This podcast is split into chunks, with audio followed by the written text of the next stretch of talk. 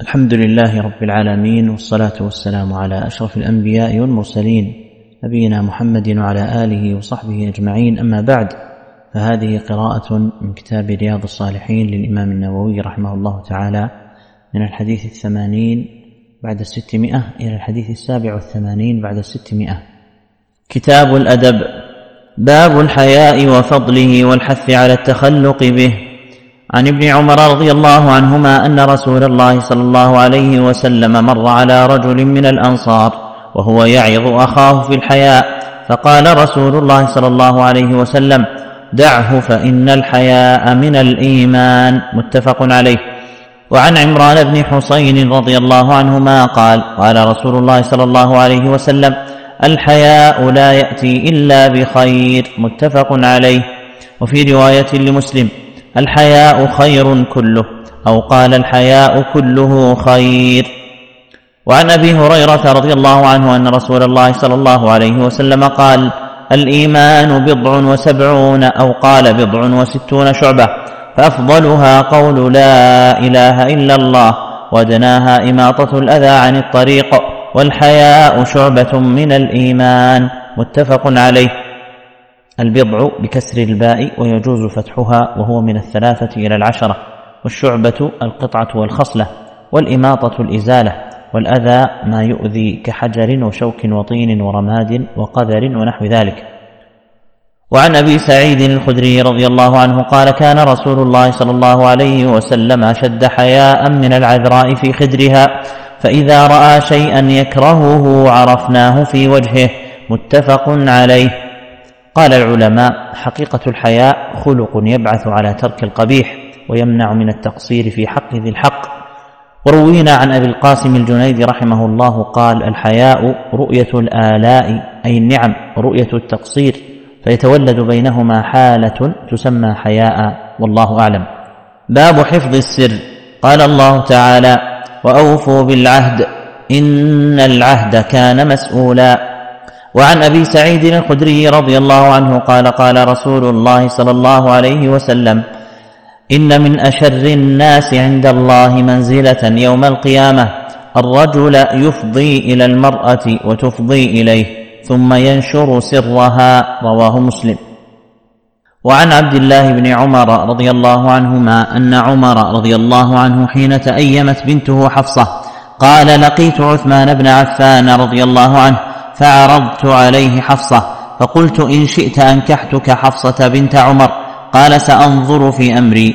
فلبثت ليالي ثم لقيني فقال قد بدا لي ألا أتزوج يومي هذا. فلقيت أبا بكر رضي الله عنه فقلت إن شئت أنكحتك حفصة بنت عمر. فصمت أبو بكر رضي الله عنه فلم يرجع إلي شيئا فكنت عليه أوجد مني على عثمان. فلبث ليالي ثم خطبها النبي صلى الله عليه وسلم فأنكحتها إياه. فلقيني أبو بكر فقال لعلك وجدت علي حين عرضت علي حفصة فلم أرجع إليك شيئا. فقلت نعم. قال فإنه لم يمنعني أن أرجع إليك فيما عرضت علي إلا أني كنت علمت أن النبي صلى الله عليه وسلم ذكرها. فلم أكن لأفشي سر رسول الله صلى الله عليه وسلم ولو تركها النبي صلى الله عليه وسلم لقبلتها. رواه البخاري. تأيمت أي صارت بلا زوج وكان زوجها توفي رضي الله عنه. وجدت غضبت. وعن عائشة رضي الله عنها قالت كن أزواج النبي صلى الله عليه وسلم عنده.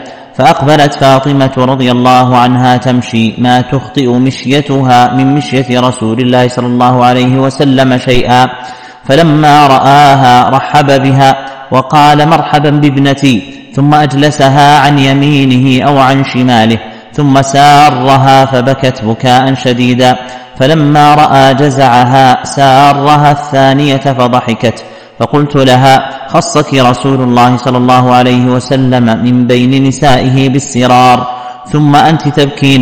فلما قام رسول الله صلى الله عليه وسلم سألتها ما قال لك رسول الله صلى الله عليه وسلم؟ قالت ما كنت لأفشي على رسول الله صلى الله عليه وسلم سره. فلما توفي رسول الله صلى الله عليه وسلم قلت عزمت عليك بما لي عليك من الحق. لما حدثتني ما قال لك رسول الله صلى الله عليه وسلم؟ فقالت أما الآن فنعم. أما حين سارني في المرة الأولى فأخبرني أن جبريل كان يعارضه القرآن في كل سنة مرة أو مرتين وأنه عارضه الآن مرتين وإني لا أرى الأجل إلا قد اقترب. فاتق الله واصبري فإنه نعم السلف أنا لك فبكيت بكائي الذي رأيت. فلما رأى جزعي سارا الثانية فقال يا فاطمة أما ترضين أن تكوني سيدة نساء المؤمنين أو سيدة نساء هذه الأمة؟ فضحكت ضحك الذي رأيت متفق عليه وهذا لفظ مسلم. وعن ثابت عن أنس رضي الله عنه قال أتى علي رسول الله صلى الله عليه وسلم وأنا ألعب مع الغلمان فسلم علينا فبعثني إلى حاجة. فأبطأت على أمي. فلما جئت قالت ما حبسك؟ فقلت بعثني رسول الله صلى الله عليه وسلم لحاجة. قالت ما حاجته؟ قلت إنها سر. قالت لا تخبرن بسر رسول الله صلى الله عليه وسلم أحدا.